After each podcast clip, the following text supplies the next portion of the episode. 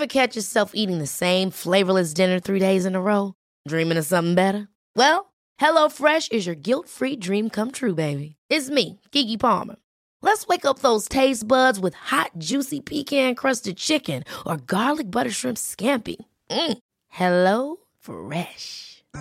Stop dreaming of all the delicious possibilities and dig in at HelloFresh.com. Let's get this dinner party started. Hiring for your small business? If you're not looking for professionals on LinkedIn, you're looking in the wrong place. That's like looking for your car keys in a fish tank. LinkedIn helps you hire professionals you can't find anywhere else, even those who aren't actively searching for a new job but might be open to the perfect role. In a given month, over 70% of LinkedIn users don't even visit other leading job sites. So start looking in the right place. With LinkedIn, you can hire professionals like a professional. Post your free job on linkedin.com slash people today. There's never been a faster or easier way to start your weight loss journey than with PlushCare. PlushCare accepts most insurance plans and gives you online access to board-certified physicians who can prescribe FDA-approved weight loss medications like Wigovi and Zepbound for those who qualify.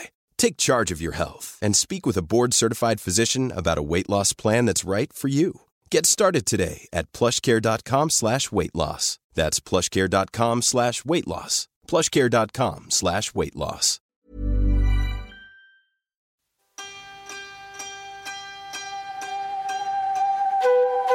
Idag är vi ju ute på äventyr. Vi har tagit oss hela vägen ut till Mörby centrum och sitter just nu hos Smart Psykiatri. Och det känns ju väldigt kul att spela in på en ny plats Mm. och också tryggt att, som, att vi har fått med oss Jenny som har koll på all teknik. Ja, för det brukar ju ibland kunna ha en liten tendens att strula för oss. Temat idag är ju ADHD och mer specifikt ADHD hos flickor och kvinnor. Och dagens gäst är ju ingen mindre än Lotta Borg Skoglund. Varmt välkommen Lotta! Tack så jättemycket för att Så- jag får möjlighet att vara med. Ja, så kul att få komma hit och träffa dig. Jag tänkte, kan inte du börja med att berätta vem du är och vad du jobbar med? Ja, jag heter Lotta, är nyss fyllda 45 år, eh, har fem barn och är allmänläkare och psykiatriker. Och min bakgrund är egentligen som psykiatriker inom beroendemedicin. Så det var, det, det var där jag började jobba och eh, intressera mig för eh, skadligt bruk hos unga och ungdomar. Och genom det började jag intressera mig för varför det verkade som att vissa hade så mycket ökad risk. Eh, mer än andra. Och då började jag intressera mig för ADHD. Och skrev min avhandling 2015 på samsjukligheten mellan ADHD och missbruk. Okej. Så efter det så har det nästan ja, uteslutande varit neuropsykiatri för min del. Det är det ju aldrig eftersom samsjuklighet är så vanlig vid neuropsykiatri. Men, men eh, det är det jag jobbar med. Utredning och behandling av neuropsykiatriska tillstånd nu. Just det. Och du är ju aktuell med boken ADH ADHD, från duktig flicka till utbränd kvinna. Hur föddes idén till den boken?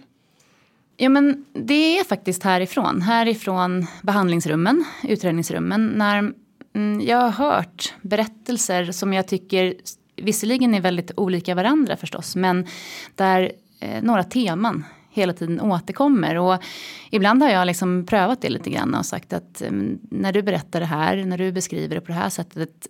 Skulle man kunna tänka så här? Så har jag liksom snott lite berättelser från andra eh, patienter eller flickor och kvinnor. Och, och märker att det tas ofta emot väldigt bra. Det, det känns skönt eh, att inte vara ensam och att någon annan kan sätta ord på det man eh, tänker och, och känner.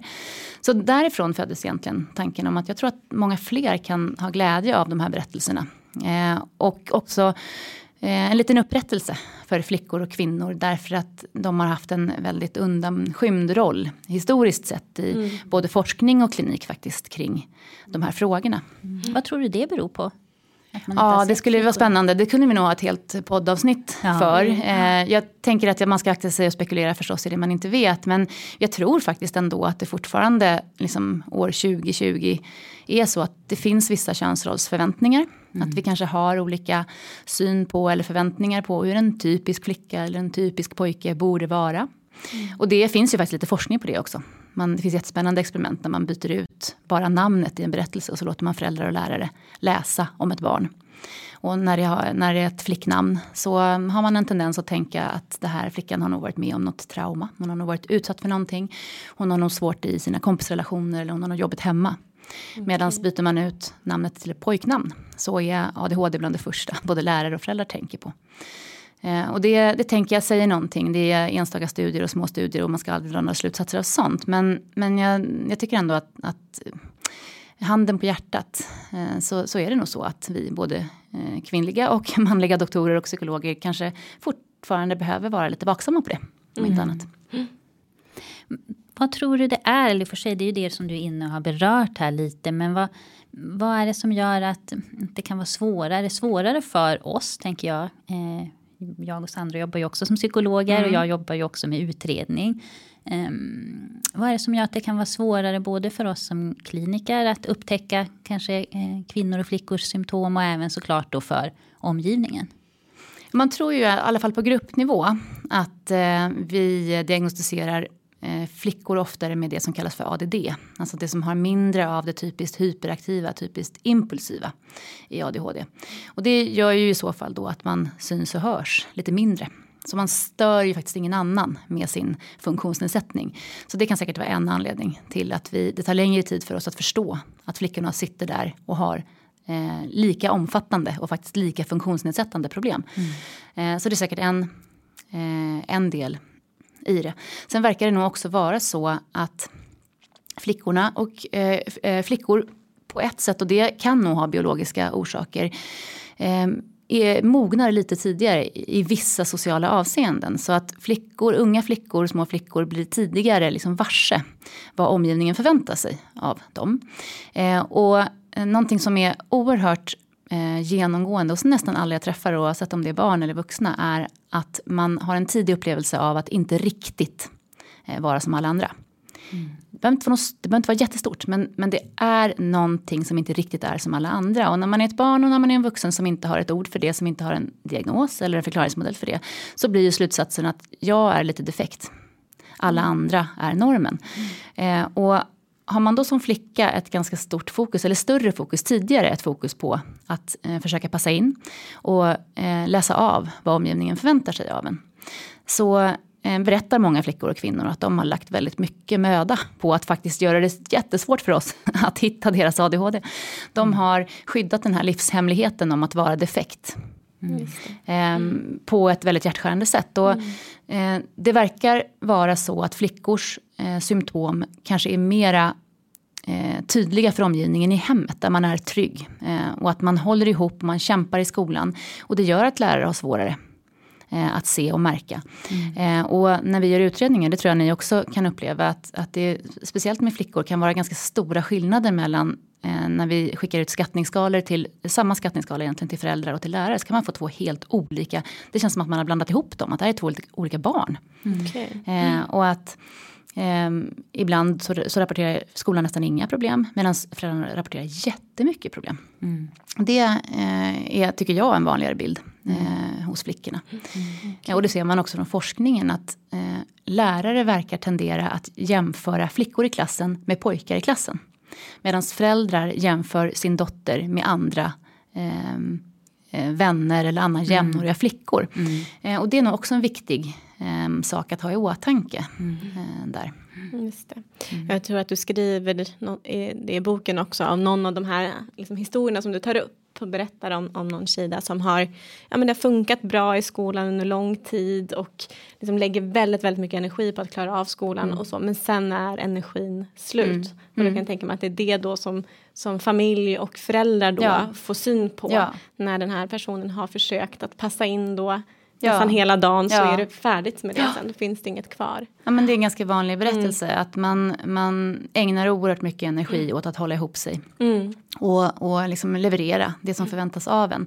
Men sen finns inte energin kvar till det som de andra klasskamraterna ska göra när skolan är slut, när livet börjar.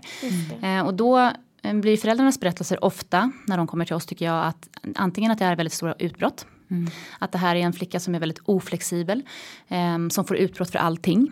Eller att eh, föräldrarna är oroliga för att hon är deprimerad. För hon bara ligger i sängen. Hon vill inte göra någonting. Mm, hon vill inte gå på träning. Hon vill inte leka med kompisar. Hon vill inte göra mm. någonting. Eh, och då är det väldigt, väldigt viktigt att vi lyssnar på flickan eh, och försöker förstå var all den här energin läcker någonstans. Mm. Mm. Just det. Mm. Du beskriver också att det är en ganska stor skillnad när i åldern en diagnos oftast sätts om man jämför pojkar mm. mot flickor. Mm. Eh, vad, vad beror det på? Jag tänker att det beror just på mm. det som vi har, som vi har diskuterat. Och det, det kan man ju tycka är anmärkningsvärt i sig. Sådär, mm. Därför att vi, vi diagnostiserar ju väldigt många fler pojkar än flickor. Däremot när vi kommer upp i vuxen ålder så är könsskillnaderna nästan utsuddade. Mm. Och det betyder ju att vi har missat en massa flickor och mm. unga kvinnor mm. eh, under de här åren. Och de åren är ju oerhört viktiga. De är viktiga, de här eh, tidig, eh, liksom, eh, tidig tonår eh, och tonår och ung vuxen ålder är viktiga år för oss där vi liksom, ja, med mycket av vår självbild och vi tar ut vår riktning i livet och eh, liksom mycket av det som ska bli oss. Mm. Som vä vårt väsen ska liksom mm. formas. Vi ska hitta vår egen identitet och mm. bli självständiga och så. Så att de här åren är ju väldigt viktiga och att inte då ha tillgång till rätt förklaringsmodell kan vara ganska skadligt för många. Mm. Så att de här åren måste vi försöka, liksom, vi måste krympa det gapet tycker jag. Mm. Därför att under de här åren så hinner flickorna bygga på massor av påbyggnadsproblematik. Så när de kommer till oss så kommer de inte till oss och frågar om de har ADHD. Utan de kommer till oss eh, för att de är deprimerade, för att de har ångest, för att de har ätstörningar eller för mm. att de har självskadebeteende. Mm. Okay. Eh, och det eh, blir problematiskt för då blir det ännu svårare för oss igen. Då. Så, mm. att, så att, eh, eh, vi måste vara väldigt kluriga mm. när vi ska hitta de här flickorna och kvinnorna. Mm. Eh, men det går ju såklart. Mm. Eh, om vi liksom förstår det utifrån det här sättet att se på det. Och, mm. och ställer rätt frågor och lyssnar framförallt på flickorna själva. Mm. Mm. Men skulle du säga att symptombilden är väldigt olika då? Även om man då skulle titta tidigare i, i åldrarna mellan pojkar och flickor när det gäller ADHD? Alltså det där är en jättebra fråga. Och forskarna är nog inte riktigt överens här. För det beror lite på vilken typ av studier vi gör. Om vi gör studier där vi tittar på alla barn, så kallade så community samples. Då är inte skillnaden så stor. Medan om vi tittar på kliniska urval, alltså eh, grupper av pojkar och flickor som har sökt till psykiatrin för olika typer av psykisk ohälsa. Mm. Då är skillnaden större på flickor och pojkar. Så det, eh, på flickor och pojkars ADHD-symptom. Så det här med att vi diagnostiserar fler flickor med ADD Eh, men, men eh, viktigt att tillägga är att de vi diagnostiserar de har större funktionsnedsättning än pojkarna. Så det är inte så att det är liksom lindrigare form. Utan jag tror man ska tänka så här att ADHD är samma tillstånd hos flickor och pojkar, kvinnor och män. Mm. Men ADHD som ni också vet kan ju ta sig olika uttryck, inte bara i olika delar av livet utan i olika delar av livet hos samma person. Mm.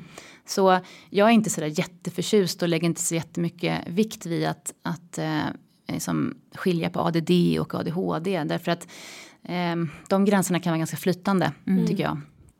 Och eh, Ja, nu glömde jag nästan bort vad, vad frågan var här för jag förvirrade mig. Om, om man ändå kan ja, se någon typ nej, av skillnad och, ja, men, och, och, Precis, och jag tänker att jo, eh, det kan man göra, men lite grann beroende på. Eh, jag tror att du skulle kunna, kunna få olika svar om du frågar olika mm. forskargrupper.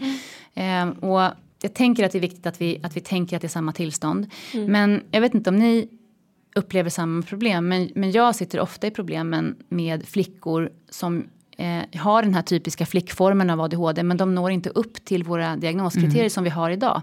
Och vad gör vi med dem? Det tycker jag är ett jätteproblem. Ja, för det funderade vi ju på, eller jag har funderat mm. på, ibland också framförallt när man ska hitta, som det är diagnoskriterierna, att det ska ha funnits symptom och mm. funktionsnedsättning mm. före 12 mm. års ålder. Yep. Och så kanske det inte finns jättetydligt för att det kommer senare mm. eller det börjar märkas mm. utåt ja. senare.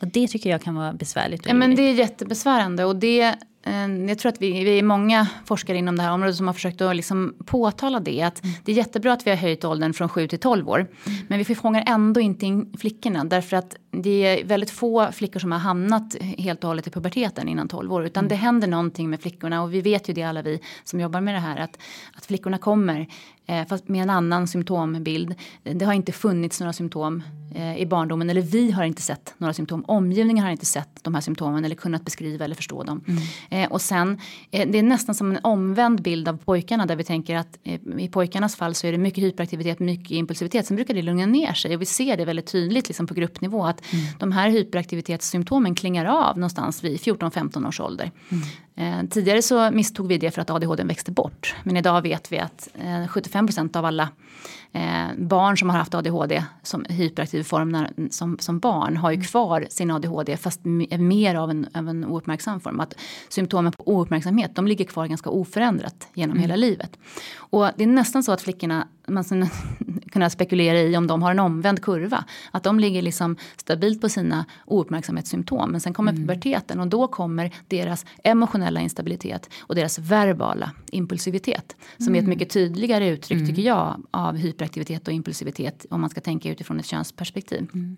Vad intressant. Mm. Mm. Eh, och som sagt det finns ju inga studier på mm. men jag, jag, tänker ofta på mm. det i kliniken. Att det mm. känns som att, mm. att det nästa, man nästan skulle kunna vända två stycken såna hockeyklubbor ja. upp och ner för varandra och se. Och, och tyvärr så är ju eh, all forskning i princip på eh, våra eh, diagnostiska eh, som metoder och på våra screeningformulär och på våra um, sätt att, att fråga och, och liksom eh, diagnostisera och utreda ADHD mm. eh, ju utforskat på pojkar och män. Mm. Så vi hamnar i en situation där vi antingen måste liksom fuska lite med diagnoskriterierna för att tippa över flickorna i en diagnos. Eller på något vis lämna dem i det som vi kallar för subtröskelproblematik.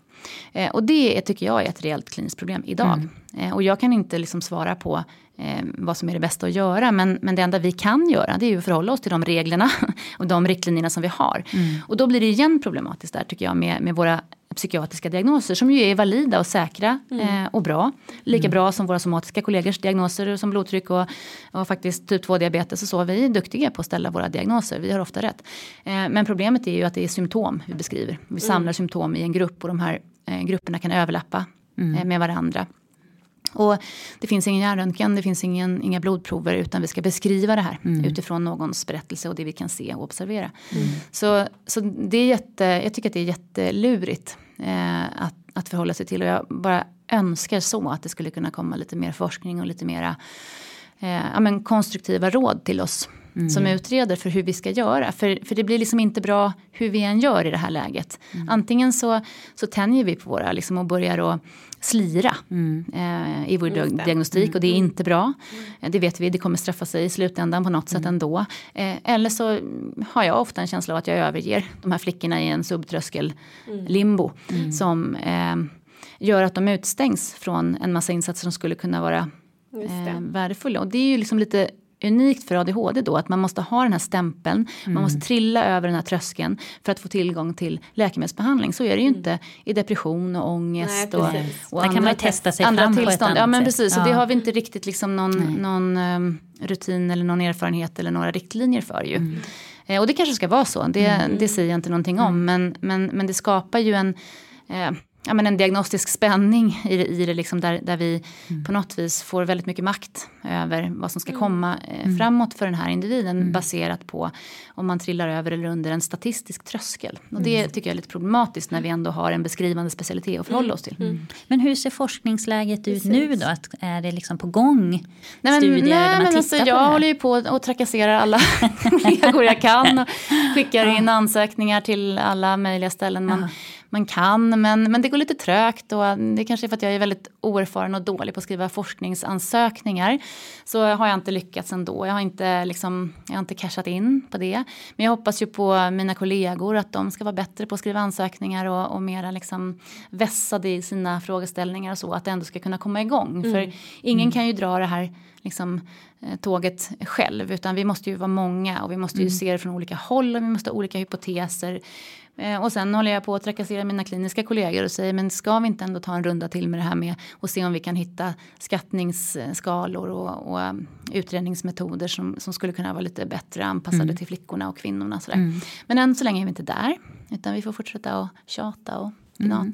Mm. Men bra att du gör det. För det ja. känns ju verkligen, verkligen relevant. Ja men och, och det är ju en av det, liksom, min mastermind med den här boken ja. då. Att, mm. att, det ska bli så allmänt känt att det här mm. är faktiskt en undanskuffad grupp. Och att mm. på något vis så, ju fler som eh, upplever och, och håller med om det. Med den mm. kraften i liksom alla de här kvinnornas berättelser och, och upplevelsen av att, att hamna snett eh, hos oss i psykiatrin också på grund av att man inte passar in riktigt. Att, att den kraften till slut ska liksom spränga de här fördämningarna, att vi ska komma vidare. Mm, mm.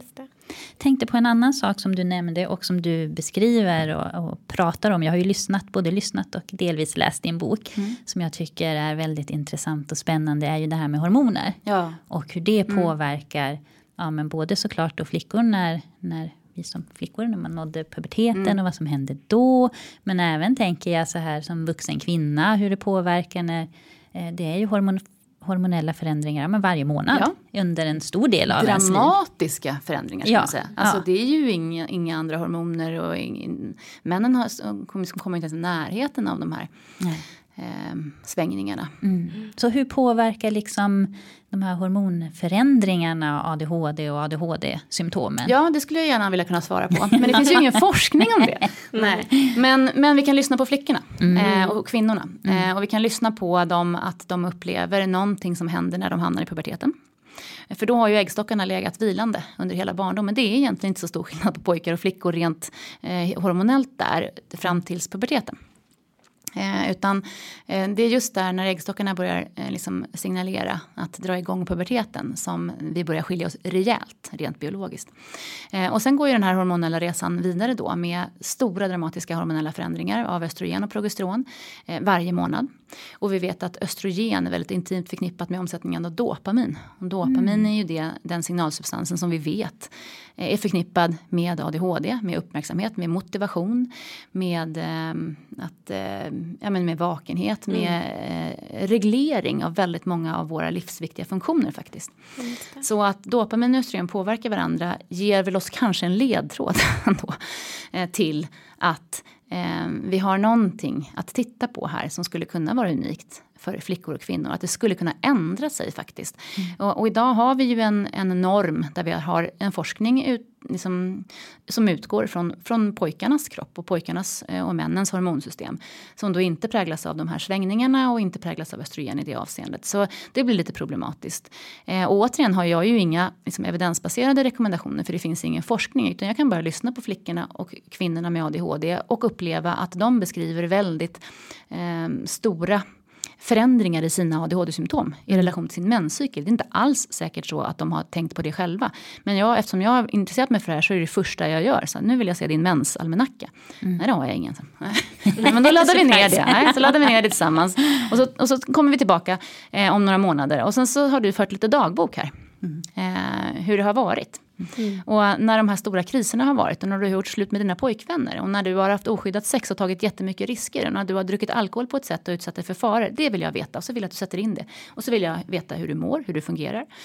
Eh, och eh, hur det är med dina vänner och hur du tänker om dig själv. Mm. Och så vill jag ha en liten dagbok. Sådär.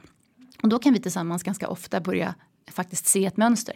Och det är väldigt skönt att se mönster när man har ADHD. Mm. Därför att just den här känslan av att inte kunna förstå sig själv, förstå varför man gör saker, varför man hamnar i de här situationerna, mm. varför. Eh, och som någon säger i boken också, så här, jag förstår att folk inte kan lita på mig, jag kan inte lita på mig själv. Mm. Och den liksom, innebörden av, av, av det är ju ganska skrämmande tror jag för oss alla. Att inte veta hur man ska må på eftermiddagen. Mm. Inte veta om jag kommer att liksom kunna leva upp till de här förväntningarna. Eller om jag kommer kunna gå på den här festen som jag lovat. Eller om jag kommer kunna lämna in den här uppgiften som vi har sagt. Eller mm. om jag tycker om dig i övermorgon. Mm. Det är jätteskrämmande och det är också en del av det som liksom tär väldigt mycket på självförtroendet. Så kan vi börja kartlägga det här och kunna se mönster då har vi kommit jättelångt. Mm. Mm. Och sen tar jag hjälp av mina duktiga kollegor och i min forskargrupp med, mm. som är gynekologer som kan det här med hormoner, som kan mm. det här med mm. p-piller. Och som, mm. som kanske inte kan så jättemycket om ADHD men som vet att en grupp av deras flickor och kvinnor kommer till deras ungdomsmottagningar för dagen efter piller. För att de är rädda för att de har fått sexuellt överförbara sjukdomar, för att de har blivit gravida, för att de ska göra sin femte abort. Eh, och i vår forskning har ju vi sett att, att vi har ju ganska stor anledning att misstänka att det här är flickorna och unga kvinnorna med ADHD. Vi når inte dem riktigt med våra insatser idag. Mm. De utsätter sig för sexuella risker eh, och de blir mamma själv när de bara är barn. Mm. Eh, sex gånger oftare än Oj, eh, ja. Eh, flickor utan ADHD. Mm. Kvinnor. Mm. Så, så att det här är en jätteviktig grupp att mm. nå. Mm. Så de här hormonerna, de är viktiga. Men, men, och, men vi, och så vi kan inte nöja oss med att vi inte har någon forskning. Utan vi måste bara sätta oss ner och lyssna. Och så måste vi se och så måste vi liksom, ja, men, dra oss till minnes den här gynekologikursen termin mm. 9 eller när vi gick den. Och så, får vi, och så får vi tänka att när de kunskaperna inte räcker så får vi ta hjälp av våra kollegor. Och så får vi liksom snickra ihop någonting bra för de här flickorna tillsammans. Mm. Mm. Och sen kommer vi ju i klimakteriet. Så det är ju nästa del på den här resan, den här ja. hormonella resan som liksom mm. pågår för kvinnor hela livet.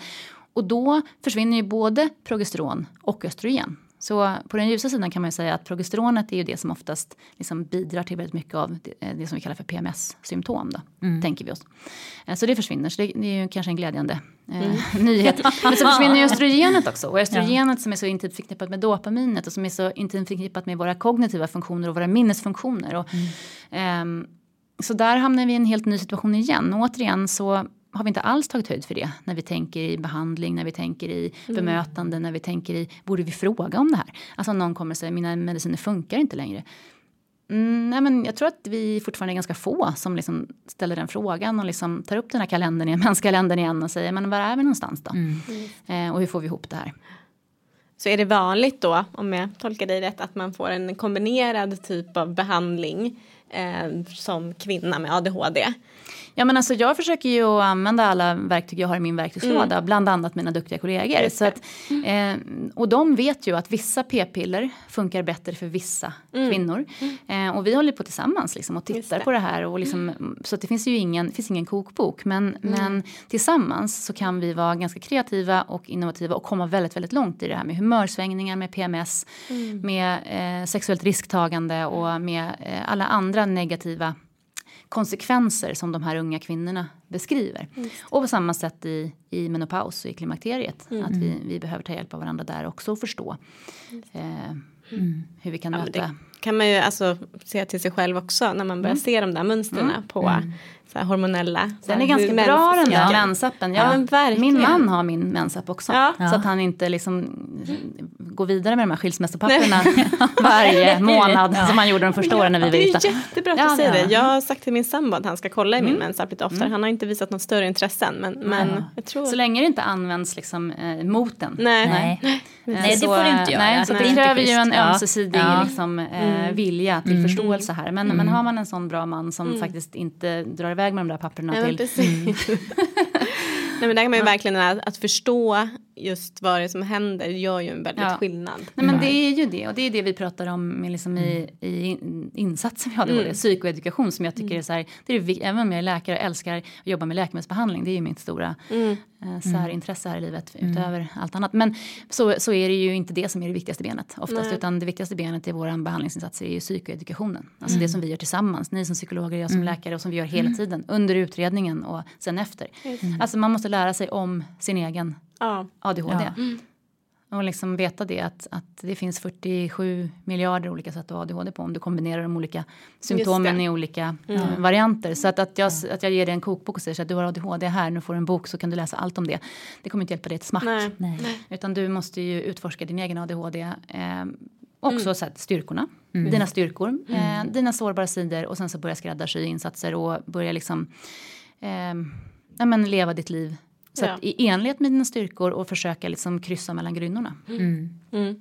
Det här är ju liksom inga sjukdomar som vi hittar, diagnostiserar och botar. Utan, utan psykoedikationen är ju så himla viktig där. Att vi liksom börja lära oss. Och det mm. handlar om acceptans. Det är så fint för ja. det, det är så här, jackar ju in i så himla mycket av det som så här, modern psykologi och eh, mm. liksom, eh, psykologiska mm. insatser faktiskt mm. liksom, har kommit fram till är effektiva. Och kan vi mm. bara skruva pytte, pytte lite på det och få det att passa till ADHD så kan vi ha så jättemycket nytta av alla de här ja, men, tredje vågens liksom, KBT, eller vad heter det, fjärde vågen, tredje vågen, men DBT-insatser, eh, ACT, eh, mindfulness, acceptans, mm. medveten närvaro, allt det här är ju så fantastiskt värdefullt. Eh, på den här resan. Mm. Men det måste anpassas lite grann. För det, det, är oftast inte en jättebra idé tycker jag att skicka iväg sina ADHD-patienter på en mindfulnesskurs. Bara vanlig mindfulnesskurs. De brukar komma tillbaka och vara ganska arga och upprörda ja. då efter första gången och tycka ja. att man inte vill sitta och stirra på det där jäkla russinet i 15 minuter. Ja, det var en sån härlig ja, historia. ja.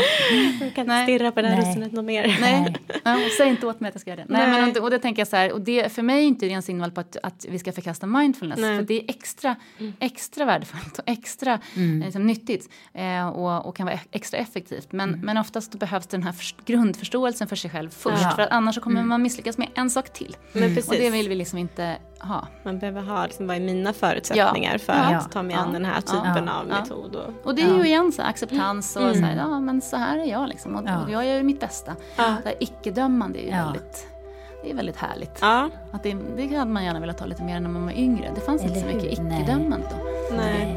Var väldigt mycket värderande snarare Ja, ja. istället. Ja. Mm.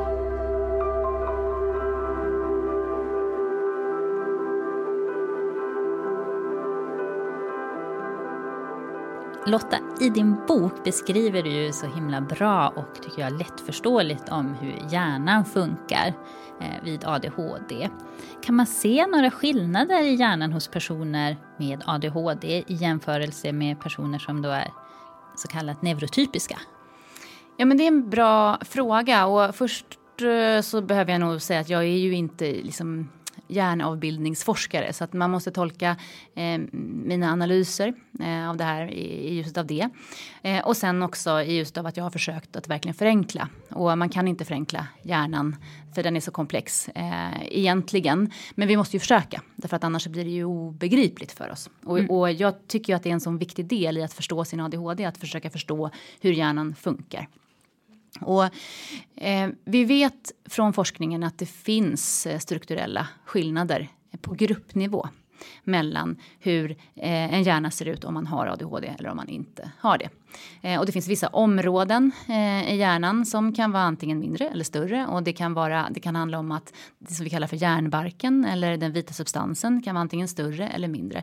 Eh, fynden har ju gått i lite olika riktning men de senaste liksom, eh, sammanställande eh, forskningsrapporterna har ju visat att det finns i vissa områden skillnader eh, på hjärnan. Men vi tror nog ändå inte att det är just så att det är vissa delar av hjärnan eh, som just fungerar bättre eller sämre eller så, utan att det handlar mer om hur de här olika delarna av hjärnan faktiskt kommunicerar med varandra. Alltså det som handlar om den vita substansen det som handlar om eh, nervbanorna och de olika eh, systemen i hjärnan som skapas eh, i kommunikation med varandra.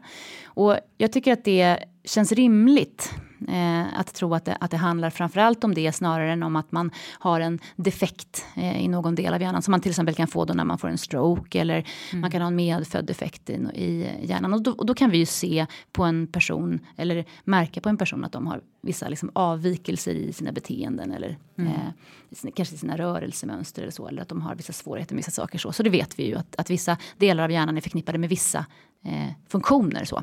Men att vi tänker att den här, just den här kommunikationen mellan eh, delarna av hjärnan är väldigt central när det gäller ADHD. Och om man tänker utifrån det så kan man ju tänka på det som våra patienter berättar för oss. Om det här med att de har så svårt att reglera.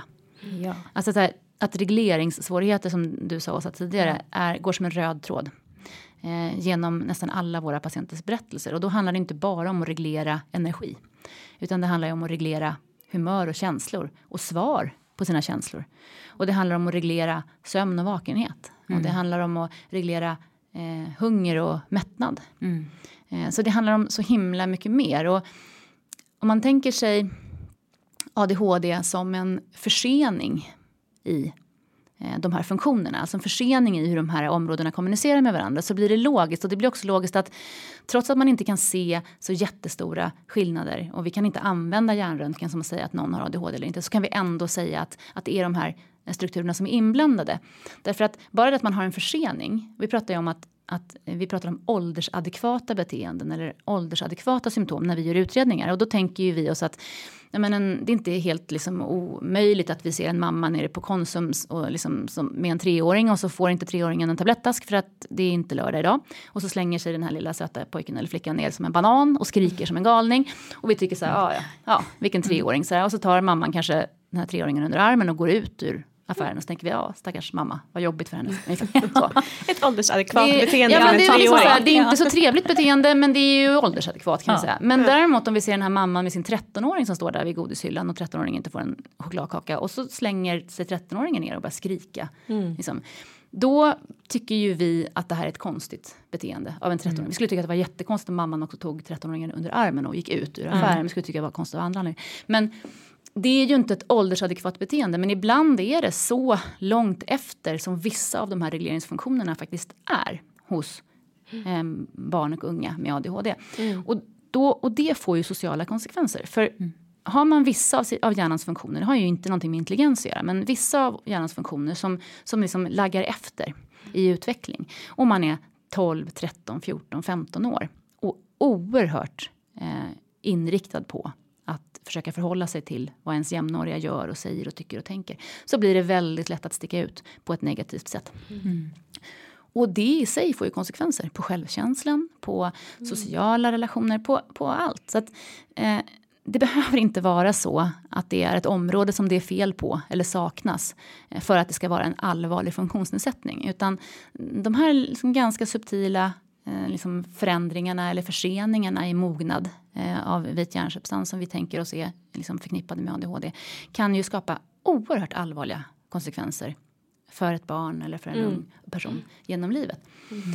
Och som följer med en genom livet. Även om den här funktionen skulle liksom mogna i kapp så har man ju fortfarande gjort sig de här negativa erfarenheterna och det har satt sig på ens självbild och ens liksom, mm. självförtroende. Så, så det är komplext än det här med eh, om man kan se eller inte se på hjärnan om någon har ADHD eller inte. Och, och än så länge kan vi inte eh, göra det på individnivå. Nej. Men det betyder inte att det här inte är en riktig sjukdom i hjärnan eller att den är mindre allvarlig mm. eh, än någon annan tycker jag. Nej. Mm. Just det. Mm. Och den här, du, du liksom pratar om en försening. Är det någonting som, som sen rättar till sig? Du mm. säger så här att även om man kanske då um, ja, jag vet inte om man utvecklar strategier för att ändå mm. klara av kanske vissa mm. sociala sammanhang och sådär men själva förseningen om man tänker i, i hjärnan då. Ja men det här är, så, det? det? här är så spännande, det här är en så spännande fråga ja. för att vi, jag sa ju tidigare tror jag att, att så 75% av de barnen som har en diagnos kommer att fortsätta ha funktionsnedsättning i vuxen ålder. Mm. Så vad tog de andra 25 procenten vägen då? Ja, inte alla dog Förhoppningsvis. Nej. Vi vet också att man, ja nej men det är så hemskt, men vi ja. vet att man lever 8 till 13 år kortare bara mm. genom att uppfylla de här fyra små bokstäverna. Just det. Eh, och, så vi tappar mm. en hel del, apropå allvarligheten i den här mm. diagnosen. Mm. Så eh, ja, vissa finns inte med oss av den anledningen, men eh, några har ju läckt ut. Mm. Eh, och då tänker jag så här, om man ska kunna göra det, då måste man ju ha optimala förutsättningar. Alltså, och vi vet ju att vår hjärna utvecklas hela tiden. Vi trodde ju så här för 20 år sedan att ungefär vid 15 års ålder så var hjärnan färdigväxt och alltså färdigutvecklad. Och nu vet vi att det är typ då det börjar. Alltså det är mm. då som vi ska göra alla de här finjusteringarna för att bli vårt vuxna jag. Mm. Och att tonårstiden, även, även upp till 25 års ålder är superviktig för mm. just att trimma mm. alla våra liksom, eh, beteenden som vi ska använda oss av. Så att vi ska kunna bete oss åldersadekvat men också mm. att vi ska kunna bete oss miljöadekvat. Att vi ska mm. liksom kunna utveckla strategier som är optimala just i den miljön som vi råkade hamna i. Liksom. Mm. Så det är superviktiga saker som ska hända. Ehm, och vi vet att inte bara läkemedel utan faktiskt även eh, psykoterapi eller andra saker påverkar ju den här mognaden. Och att liksom, det är nästan som vi kan tänka att liksom, eh, hjärnan, eh, som vi, vi, vi skapar liksom spår eller banor i hjärnan genom att öva på saker, genom att Just träna det. på saker. Mm. Och, och, när vi tränar och när vi ska skapa nya minnen så bildas ju nya synapskopplingar. Alltså, eh, an, liksom hjärncellerna börjar prata med varandra mer effektivt mm. ju mer vi övar eh, på Just saker. Så mm. kan man få de förutsättningarna med ADHD eh, så, så tänker man ju nog att vissa kan nog säkert läka ut där. Men då kommer ju det här problematiska med att ADHD är ett sånt ärftligt tillstånd in. Mm. För då har vi liksom inget tillstånd egentligen som är, har så hög, som, som, som i hög grad förklaras av genetiska faktorer som ADHD. Upp till 80 procent tänker vi okay. förklaras av gener. Mm. Ja, vad betyder det då? Ja men det betyder ju att de här barnen, de lever ju i ett familjesystem där det är ganska hög sannolikhet, rent statistiskt, det. att det finns andra mm. som har liknande eller andra typer av neuropsykiatriska svårigheter. Mm. Så de föräldrarna som inget annat vill, för jag har aldrig någonsin träffat en förälder som inte vill sitt eget barns bästa. Mm. Eh, trots att de vill det kanske inte har förmågan för de får kämpa så himla mycket med sina Just egna det. svårigheter. Mm. Och så finns det andra syskon som har särskilda behov här också. Mm. Så det är ju en utmaning för att skapa ja. den optimala liksom, miljömässiga förutsättningen för den här ADHD-hjärnan om man får säga så i, mm. inom citationstecken att mogna ut. Mm. Och det där är lite orättvist. Och det är där vi kommer in. Det är där vi i omgivningen kommer in. För vi kan inte påverka våra gener, men vi kan påverka miljön. Mm. Eh, och där behöver vi förstå just det här sårbara familjesystemet. Och vi måste in på alla nivåer. Vi måste hjälpa föräldrarna att bli bättre föräldrar, att vara bättre föräldrar, att vara så bra föräldrar som de vill vara. Mm. Och vi måste hjälpa barnet med barnets eh, svårigheter i skolan och i, på fritiden och i andra miljöer. Vi måste hjälpa de andra syskonen. Vi måste hjälpa både syskonen som inte har en funktionsnedsättning och de som har det. Eh, för vi vet att, att, bara att vara anhörig, att vara syskon till eller förälder till eller barn till någon med en funktionsnedsättning också är en stark liksom, stressande faktor mm. i livet. Mm. Så det här är superkomplext. Ja, eh, men, men jag tycker att man tjänar ändå på att försöka se det och orka se. Liksom, orka hålla fler tankar i huvudet samtidigt och försöka se det här komplexa. Mm. För det är först då vi kan gå in och göra rätt saker tror jag. Just det. Mm. mm. Och egentligen så skulle jag vilja, om jag får, nu bara nördar jag ner här totalt. Det för det här intresserar mig så oerhört mycket. Och det för att det kom ett, ett larm i eh, dagspressen för något år sedan. Där det står ungefär så här.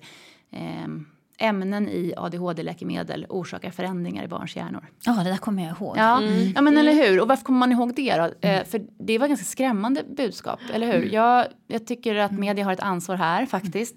Mm. Eh, hur man formulerar sig. Och mm. vi var ganska många som liksom ja, men, bad om att få komma och förklara det här mm. budskapet, den här rubriksättningen. Mm, jag tror att jag såg ett klipp på det, kan det ha varit så TV4? Ja, Nyhetsmorgon ja. kanske? Nej, men jag hoppar gärna ja. upp och liksom försvar, ja. till försvar. Ja. För att vi blev ju nedringda mm. av oroliga föräldrar och oroliga vuxna som ville sluta med sina mediciner som hade liksom hjälpt dem att komma på fötter och var liksom väldigt, väldigt eh, bra och effektiva för dem. Mm. Och så vill de sluta för att de vill inte, man vill ju inte utsätta sitt barn för hjärnskada. För det var ju ungefär det som den här rubriken sa. Mm.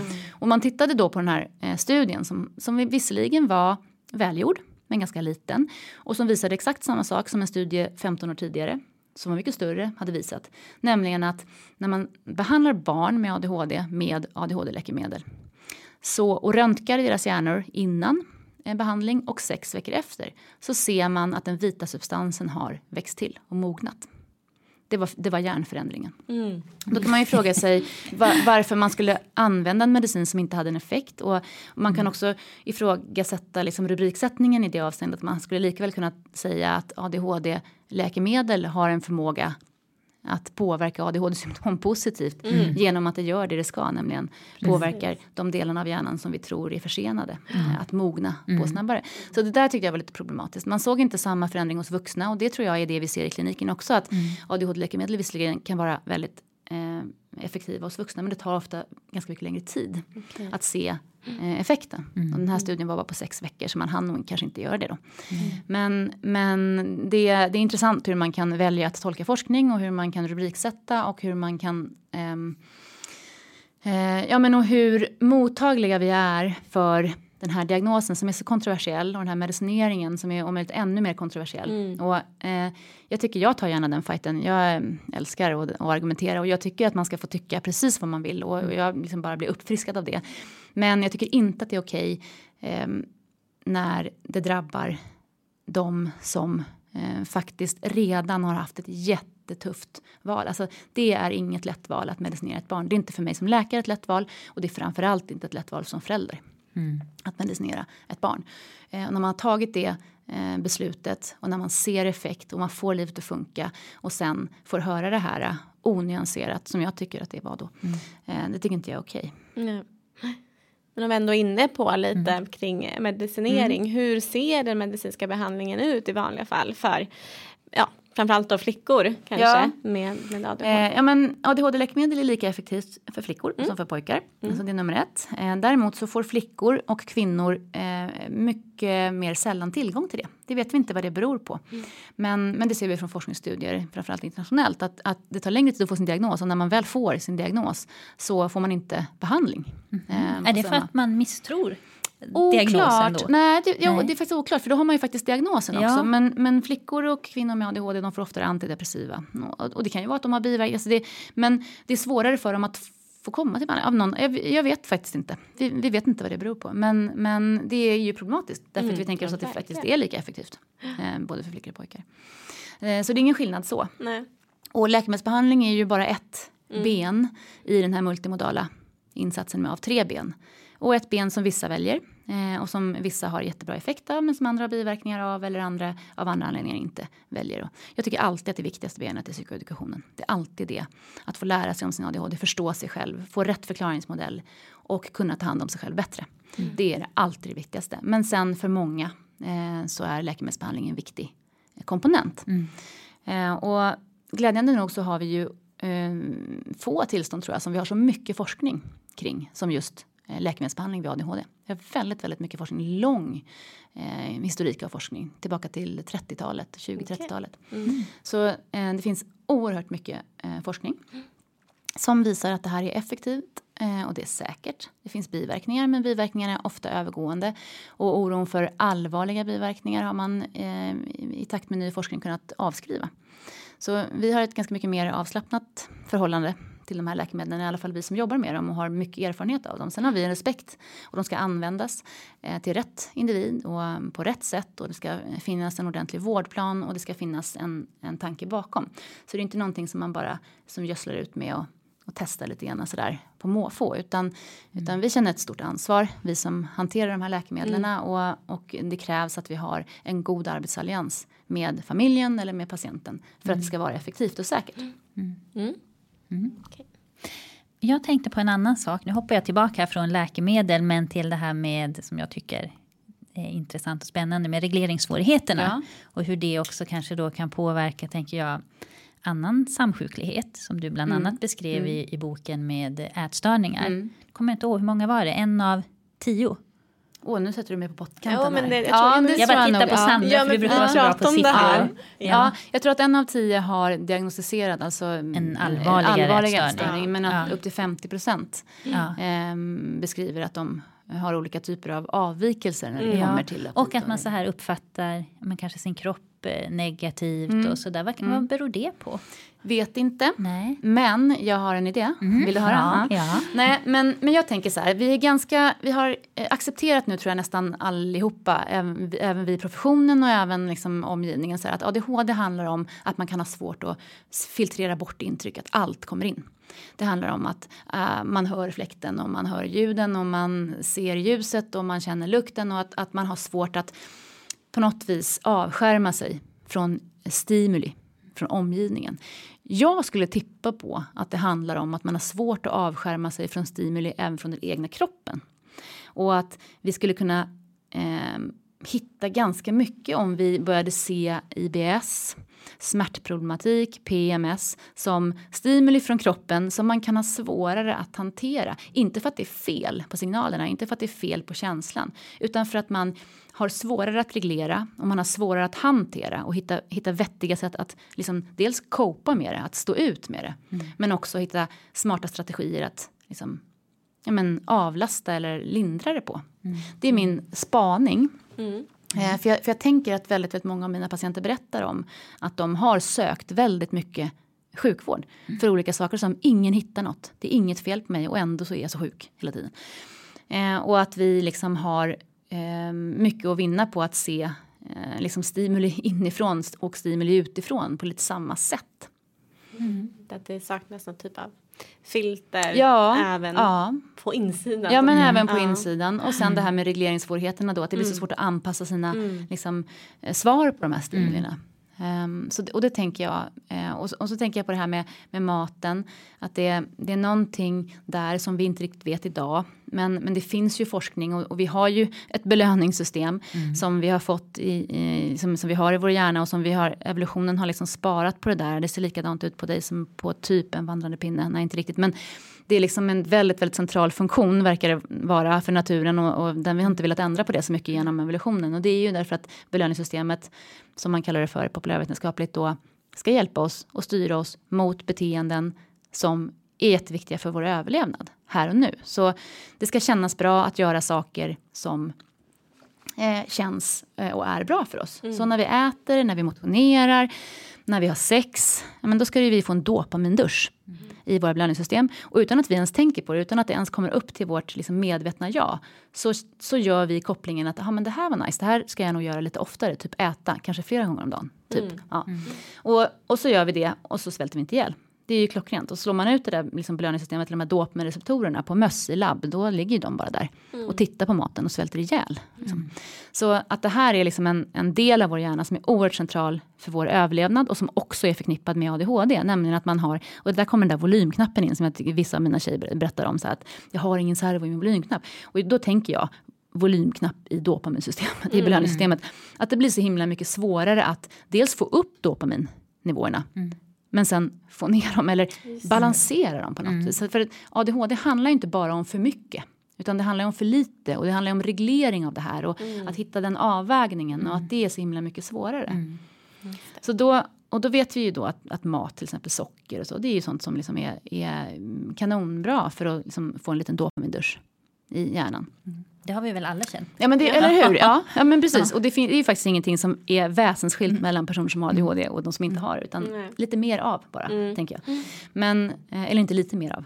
Funktionsnedsättande mycket av, får man säga. Men, men att, att det blir svårare med den där balansen. Och, och sen så finns det jättespännande studier som bara liksom är, som inte är som jättebekräftade sådär. Men att man ändå har tittat på det här med att det verkar ta längre tid för signalen att komma upp till hjärnan. När, när liksom, eh, kalorierna väl har kommit ner i magen. det tycker jag är spännande. Att För många med ADHD berättar att de äter för mycket för snabbt. Mm, Liksom så här, och så blir de proppmätta och så mår de illa. Och så tänker de, åh, det här ska jag inte göra. Och så gör de exakt samma sak Så de hjärnan hinner liksom inte registrera. Nej, nej men att det mätt handlar någonting om det här med, återigen med stimuli, att koppla dem, att alltså, göra rätt koppling. Att, liksom, sådär. Och, och det, det är inte så svårt tycker jag att få in det i förklaringsmodellen kring vad våra patienter berättar för oss. Sådär. Jag, jag försöker tänka så kring forskning. Så hur, när jag läser den här studien, hur hänger det ihop med det mina patienter berättar för mig? Så här. Och så försöker jag göra en brygga. Liksom. Ja, vad Och det blir lättare att få bukt med sina ätstörningar, sitt tröstätande, sitt rastlösa ätande om man förstår det på det sättet. Jag tycker det är jättehjälpsamt att liksom så här, ja, men faktiskt börja se sig själv som en biologisk varelse som har överlevnadssystemet och jag har det. det är som, vi kan inte bota det här, det här är liksom inte en, en sjukdom. Vi ska Nej. inte ta bort det utan vi behöver leva med det. Vi behöver förstå att ja, men, jag kanske inte kan ge mitt barn samma råd, eller det, det ena barnet samma råd som det andra syskonet. Därför att den, det här lilla Emma, hon kommer liksom inte sluta när hon är mätt. Till Olle kan du säga, men, men, men ta, hur många bullar får man ta? Ja, men ta tills du liksom inte känner dig sugen längre. Och, och, och de allra flesta har ett belöningssystem som hjälper dem att eh, balansera av det där. Medan många barn eh, och vuxna med ADHD eh, berättar om att det är inte riktigt finlirat det där. Och, och det blir liksom antingen alldeles för mycket eller att man helt glömmer bort att äta. Jag glömmer bort en hel dag. Utan plötsligt så hittar man sig själv liksom, på en tisdag kväll klockan 21.30 helt vrål liksom, svält. Och äter så mycket så att man inte liksom, man äter för både måndag, och tisdag och onsdag. Just det. Mm. Ja, det känner jag igen från eh, patienter som jag har träffat. Men även att de också kan beskriva att de äter för att de har tråkigt. Ja. Att man är så Ja. rastlös på kvällen. Nej, jag kan inte koppla Nej. av. Och då blir det, köper jag en jättestor påse med godis och så äter jag den. Och så äter jag chips och så äter jag det där. Eller jag Ja, kan men inte det- se på tv om jag inte precis. äter en massa samtidigt. Det. Nej men och det där tänker jag, där kommer ju både vår psykoedukation och våra läkemedel in. För det handlar på något vis om, tycker jag, den berättelsen handlar om att fylla på. Att liksom, eh, ja, men, hjälpa upp sitt, sitt belöningssystem. Att, att, att jag ser den där volymknappen som håller på att rasa ner mot noll. Och det är smärtsamt, det är väldigt, väldigt smärtsamt att vara på noll. Och det berättar våra patienter också om. Det går inte, det går inte att komma upp ur sängen. Det går inte att göra läxorna. Det går inte att tömma diskmaskinen. Eh, Och, och det handlar inte om att man inte vet att det vore jättemycket skönare när det väl är gjort. Och att det ska, kommer kännas jättebra. Och, att, och det, för det är ju det omgivningen säger. Ja men du vet ju. Jo det vet jag. Men det går inte. Eh, och då tänker jag, där, där tror jag att dopamin är in, involverat. Och motivation. Och att liksom komma igång med saker. Att påbörja och avsluta. Att vi liksom har eh, ja, mycket att vinna på att förstå det så. Och hjälpa våra patienter att förstå det så. Och Så att att det man inte kan- heller handlar om att man är lat. Nej, För så kan ju många nej. komma och säga att jag är Nej, lat. precis. Eller att Men omgivningen Ja. tycker att man är lat som inte gör Ja, det här. och också det att den där, liksom, den där när, när volymknappen är nere på noll, det är ju inte en trötthet som vi kan vila bort. Vi ska ju inte ge rådet då att ja, men du verkar ju så trött, du behöver nog eh, vila lite. För det blir ju fel, den, den liksom rostar ju fast ännu mer där. Utan det är då vi behöver som vuxna, vår inre, snälla, empatiska röst som säger åt oss att ja, jag, jag ser, jag känner, du är jättetrött, men vet du vad, nu tar vi, nu tar vi varandra i handen här och så går vi faktiskt upp. Mm. För det blir bättre, det kommer att kännas annorlunda. Eh, och, och, på samma sätt när vi är på 100, att vi säger så här, ja det är jätteroligt att titta på det här sista, ett till avsnitt, ett till avsnitt, ett till avsnitt på Netflix. Mm. Men hörni, nu måste du sova det en dag imorgon också. Och att det är svårare när man mm. har ADHD. Mm. Att göra den eh, eh självmonitoreringen och hjälpa sig själv att styra volymknappen. Mm. mm. Men med kunskap då om sig själv, då behöver man inte bli lika hård kring Nej. att det här är svårt Nej. för mig eller Nej. att jag misslyckas ibland. Och, mm. Men vissa dagar går det. Och så. Nej men verkligen, mm. och där har vi ju igen det där med acceptans mm. och förståelse som är så mm. himla viktigt. Mm. Att, alltså, det vet vi också från forskningen att straff eh, och självförakt, det är riktigt dåligt bränsle om man vill göra beteendeförändringar. Mm. Så där måste vi lära oss själva. Och ofta har vi, det har vi alla, en ganska sträng röst. Eh, som liksom ganska snabbt påpekar för oss att det där kunde du ha gjort bättre. Mm. Uh, fan vad lat du är. Ja, men, av seg, det där kunde du ha gjort mycket snabbare och alla andra har gjort det här redan i förrgår och sådär. Och alla de där rösterna måste vi lära oss att vi måste spela in ett nytt kassettband och trycka på räck. ja, men faktiskt. Och, så här, och, då, och, då, och då måste vi hjälpa varandra också därför då, då kan vi inte bara säga så här, ja, nej men det är synd om dig så du behöver inte göra den där läxan eller ja sådär. Utan den rösten är inte heller bra för sådana föräldrar vill inte heller. Jag, jag brukar tänka så här, om jag hade haft den här, per, eller var den här perfekta mamman, den här i psykologboken sådär som man ska vara, den här gränssättande, empatiska, kloka mamman. Mm. Om jag hör hennes röst så här, och så tänker jag så här, jag lånar den rösten och så sätter jag in den här i min, i min eget i min belöningssystem. Och så, så tänker jag så här, vad skulle hon ha sagt till mig i det här läget? Så här, mm. Om jag var åtta år och låg i sängen och vägrade gå till skolan. Skulle hon sagt så här, ja men ligg kvar du, här har du en påse bilar. Så här, nej, det skulle hon inte sagt. Utan så jag, jag hör att det där, jag känner att det här är jättejobbigt. Åh vad tråkigt, men vet du vad, nu går vi. Mm. Mm. Ja, och samma sak, ja det är jättegott med choklad men hörru du, du kommer ju må illa om du äter upp andra halvan av den där mm. kakan också. Så nu, nu lägger jag bort den här. Mm. Alltså, mm. Det är den rösten vi måste få in. Mm. Det är den som är hjälpande för oss. Men, mm. men det är inte den vi hör. Utan vi gör det. Din lata jäkel. Ligger du här i sängen. Du är tio minuter försenad redan. Nu är det kört. Nu kommer, nu kommer alla. Alltså, och sen så, ja, ja, nu har du ätit upp. Vad glupsk du är. Va? Du är hopplös. Du har ingen karaktär. Nej, men man har ju den. Liksom. Det har vi alla. Mm. Mer eller mindre. Och, och vi tjänar jättemycket tror jag på att mm. liksom, börja lyssna på den. Vad har vi för inre dialog med oss själva? Och se, kan vi successivt byta ut den här dialogen mot mm. någonting som är mer konstruktivt? Det handlar inte om självbedrägeri utan det handlar faktiskt om att vara konstruktiv och att jobba mm. med sig själv istället för att försöka straffa bort det här. För det går inte. Det Nej. går inte. Mm. Det blir bara mer av samma. Mm. Det är viktigt att understryka. Det är ja, bra. Det går ja. inte. Nej, det går inte. Nej.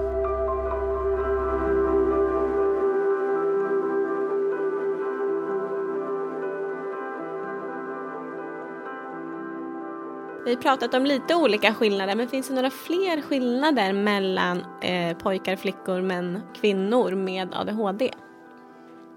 Ja, en sak som verkar skilja sig åt också på gruppnivå det är det här med samsjukligheten. Vi har varit inne på det på lite olika ja. liksom, ställen här redan när vi har pratat. Men det som man kanske kallar påbyggnadsproblematik eller andra svårigheter eh, och som vi vet är väldigt vanligt vid ADHD. Det är väldigt vanligt hos barn och vi vet att hos vuxna så är som 80% av vuxna med ADHD har minst en annan psykiatrisk diagnos. I snitt har de tre. Så det är ganska vanligt när unga kvinnor, flickor kommer till oss att de kanske inte kommer och frågar om de har ADHD utan de kommer till oss i psykiatrin kanske för ångest eller depression. Och det verkar vara så att just flickor och kvinnors ADHD är precis som deras symptom som är mera eh, vända inåt eller som, som eh, syns mindre för, för omgivningen så verkar samsjukligheten också mera vända sig eh, inåt mot dem själva. Och att det handlar om ångest och det handlar om depression eh, och det kan handla om ätstörningar som vi har pratat om och eh, till och med självskadebeteende och att eh, det skiljer sig lite grann åt hos flickor och pojkar och kvinnor och män där männens eh, samsjuklighet och männens problematik kanske oftare då på gruppnivå ska man säga tar sig uttryck i att det exponeras utåt i form av kanske så aggressioner, konflikter eller eh, uppförandestörning som man pratar om, trots hos barn och så. Mm. Så det, eh, de skillnaderna eh, kan vi se och det gäller ju att vi är uppmärksamma på dem. Därför att som vuxen så är det sällan med en ADHD-fråga man kommer. Ja, nu har ju kunskapen blivit så stor att, att faktiskt, och, och liksom allmänt känt att, att det finns eh, det här tillståndet även hos vuxna, även hos vuxna så, att, så att man kan komma mm. liksom med, med den frågeställningen. Men vi behöver vara väldigt eh, nyfikna och eh, frågvisa. Eh, och när, vi, när det gäller till exempel skadligt bruk och beroende så vet vi att barn med ADHD kommer att ha 20 gånger ökad risk att vara de som får problem med missbruk när de mm. eh, kommer i tonåren. Och på samma sätt är det om vi går in på en beroendemottagning idag. Då ska vi statistiskt sett misstänka att varannan person som sitter i det här väntrummet skulle kunna ha en odiagnostiserad ADHD. Eh, och det finns jättemycket eh, idag forskning kring hur den här samsjukligheten hänger ihop. Eh, och att det faktiskt finns genetiska liksom, orsaker. Alltså att det är samma eller liknande eh, genetiska bakgrundsfaktorer som påverkar risken för att få ADHD som påverkar risken för att utveckla skadligt bruk och beroende. Återigen kan man ta tillbaka det till så här, men vad är det i hjärnan då som är lika för de här tillstånden? Ja, för skadligt bruk och beroende och ADHD är det ganska lätt. Det är eh, återigen den här centrala eh, signalsubstansen dopamin. Naturligtvis aldrig bara den och aldrig bara gener utan det finns ju så mycket mer riskfaktorer som påverkar någons individuella risk mm. att utveckla samsjuklighet eller eh, ADHD eller beroende så. Men, men om man ändå ska försöka ta ett, ett större grepp och försöka förstå mönster mm. eh, så har vi mycket att vinna på att se de här tillstånden som att de hänger ihop. Mm. Och, och är det, liksom, förstår jag rätt, då, är det detsamma både för män och kvinnor när det gäller beroendeproblematik? Ja, och det verkar faktiskt så att hos, hos kvinnor med beroendeproblematik så är risken ännu större att mm. det finns en underliggande ADHD. Och okay. vad det beror på vet vi inte riktigt heller. Men, mm. men eh, det, är, det kan ju återigen vara... Liksom, dels så finns det genetiska skillnader och, och biologiska skillnader i våra riskfaktorer. Och vi har ännu inte, vi har bara skrapat på ytan eh, mm. med att försöka förstå könsskillnader inom psykiatri. Mm. Men eh, när kvinnor drabbas av skadligt och beroende så vet vi att de har en ännu allvarligare samsjuklighet och att det eh, på något vis när det har gått så långt för en kvinna eh, så, så är, finns det en allvarligare bild bakom och, och vad det beror på om det är social, sociala eller kulturella eller mm. biologiska skillnader det, det, vet vi nog inte riktigt. Mm. När vi eh, lyssnade på din bok inför inspelningen här. Mm. Eh, så en sak förutom att eh, som vi pratade om innan vi träffade dig, jag och Sandra, var ju dels att det var väldigt lätt att lyssna till dig. Ja. Eh, så det kan vi ju tipsa andra om mm. att göra. Det var väldigt, det kändes så personligt, kanske för att du läste in den själv. Men en annan sak som vi pratade om var ju också hur, eh, hur många då, ja men kvinnor, vilket eh, lidande och hur svårt många mm. eh, har haft det som mm. inte har blivit upptäckta, kanske inte fått eh, rätt mm. hjälp och mm. då drabbats av många andra sjukdomar och följdsjukdomar ja. och sådär. Vad kan vi göra liksom i framtiden för att inte fler mm. flickor, fler kvinnor ska missas och ja, men behöva drabbas av, man får väl ändå säga onödigt lidande. Ja, för det mm. är ett slöseri med år, med lidande, med liv med tid och faktiskt med samhällsresurser. Det kostar jättemycket att ha de här flickorna och kvinnorna sjukskrivna.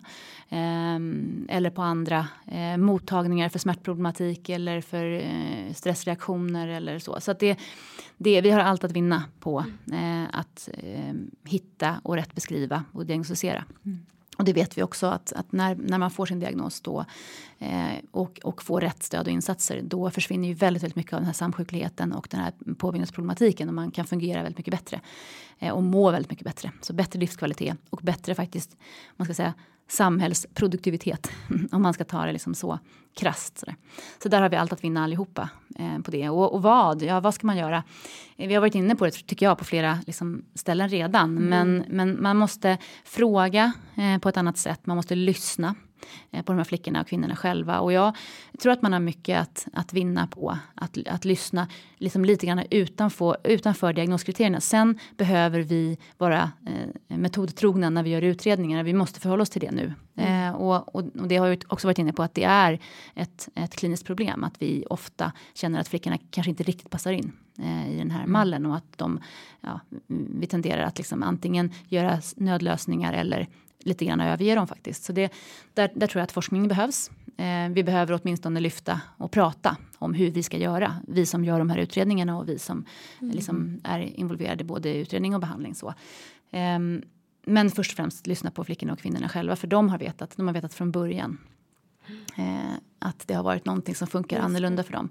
Eh, och att det är svårare för dem i skolan och det behöver inte alltid synas därför att eh, flickor och kvinnor tidigare fattar vad som förväntas av en så de kämpar bara lite hårdare. Men den här energin den läcker och det kostar och det tas ut på ett annat konto. Och hittar vi dem inte innan så kommer de att krascha. Mm. Eh, och, och eh, det är mycket, mycket svårare att komma tillbaka från en krasch än att få hjälp och stöd um, på vägen. Mm. Jag tycker en, en sak som en tjej som heter Sofia som är, eh, var 14 år när hon kom till mig och som har eh, ADD eh, sa till mig. Hon, hon beskriver just det här med, med nedsatta exekutiva förmågor väldigt eh, starkt och bra och hur mycket energi det tar att helt, hela tiden manuellt behöva planera, organisera, mm. strukturera, mm. prioritera allting som andra verkar få gratis. Men hon har ju bara sitt eget huvud, hon har inte, kan inte sätta det i relation för hon är så, så ung. Men, men att hon säger så här, jag är så trött på att höra, sluta vara en sån duktig flicka, släpp liksom släpp lite grann. Du måste inte ha alla rätt hela tiden. Va, va, vem, försöker du, liksom, vem försöker du imponera på? Var inte så liksom, egoistisk och, och liksom, oflexibel. Och hon får så många sådana kommentarer mm. om att men lev livet också. Du måste ju, skolan är inte allt. Och så hon säger att det är ingen som förstår att jag har bara liksom, det här sättet att vara på eh, och välja på. Allt annat är bara ett virvlande kaos. Om jag mm. släpper det här manuella liksom, eh, jobbet i mitt kontrolltorn, då finns ingenting. Mm. Alltså, om en enda människa bara hade kunnat komma fram till mig och säga så här, ja Sofia, jag ser hur hårt du kämpar för mm. att hålla ordning eh, i din hjärna. Mm. Vad kan jag göra för att tillfälligt hjälpa dig att ta över den här kontrollen i din hjärna ett tag mm. så att du kan få vila och ha lite kul. Mm. Om någon bara hade kunnat säga det mm. så hade hon kanske kunnat våga Just börja det. bryta ner lite av alla de murarna, alla de liksom, mm. reglerna och rutinerna som hon har byggt upp. Som, hon har byggt ett litet fängelse för sig själv, hon är 14 år gammal. Hon har byggt ett fängelse om hur man ska äta, hur man ska plugga, hur man ska sova, hur man ska Eh, nej men allt, mm. allt måste planeras in i minsta detalj för annars blir det kaos. Det. Mm. Och ingen ser det. Ingen, alla bara ser den här duktiga flickan som borde liksom släppa, liksom släppa efter lite och mm. vara som folk. Ja. Mm. ja, det säger ju verkligen någonting om att eh, vi, hela mm. samhället mm. runt om måste lära oss mer för att kunna eh, uppmärksamma, se och eh, hjälpa till. Ja, verkligen. Ja kanske ska börja avrunda? Ja. ja. Det har varit så intressant. Ja, vi skulle kunna fortsätta ja, prata flera timmar kunna, här ja. tror jag. Jag kommer gärna tillbaka. ja, ja, det får du jättegärna göra. Jag också. Ja, så stort tack Lotta för att eh, du ville vara med i podden och att vi fick komma hit idag. Ja, men tack för att ni kom och tack för att jag fick vara med och berätta mm, om det här viktiga. Mm. Det var kul att få komma hit och se ja. du mm. jobbar också. Det är inte all, alla gånger vi får se vad våra gäster har för sig. Nej, och alla hundarna har varit tysta nästan hela tiden. Ja, ja. Duktiga. Mm. Ja. ja, och som vanligt då så vill vi tacka Jenny Segerhems för, som håller koll på oss med teknik och ljud. Ja, och också tack till Ulf Solulf Svedlund för att vi får låna din musik i podden. Mm. Idag vill vi också tacka artisten Chronicle eh, för att vi har fått använda låten Self Sabotage i avsnittet. Eh, och det är ju också den officiella soundtracket till boken ADHD från duktig flicka till utbränd kvinna. Tack så mycket. Tack. Hej då. I'm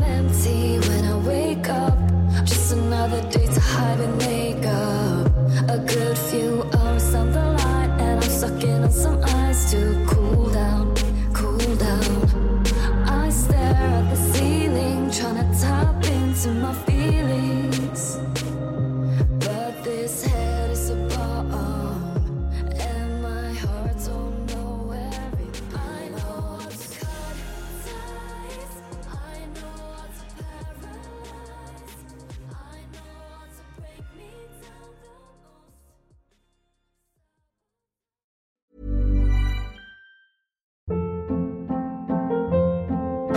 Hold up. What was that? Boring. No flavor. That was as bad as those leftovers you ate all week. Kiki Palmer here, and it's time to say hello to something fresh and guilt-free. Hello Fresh. Jazz up dinner with pecan-crusted chicken or garlic butter shrimp scampi. Now that's music to my mouth. Hello Fresh. Let's get this dinner party started. Discover all the delicious possibilities at hellofresh.com.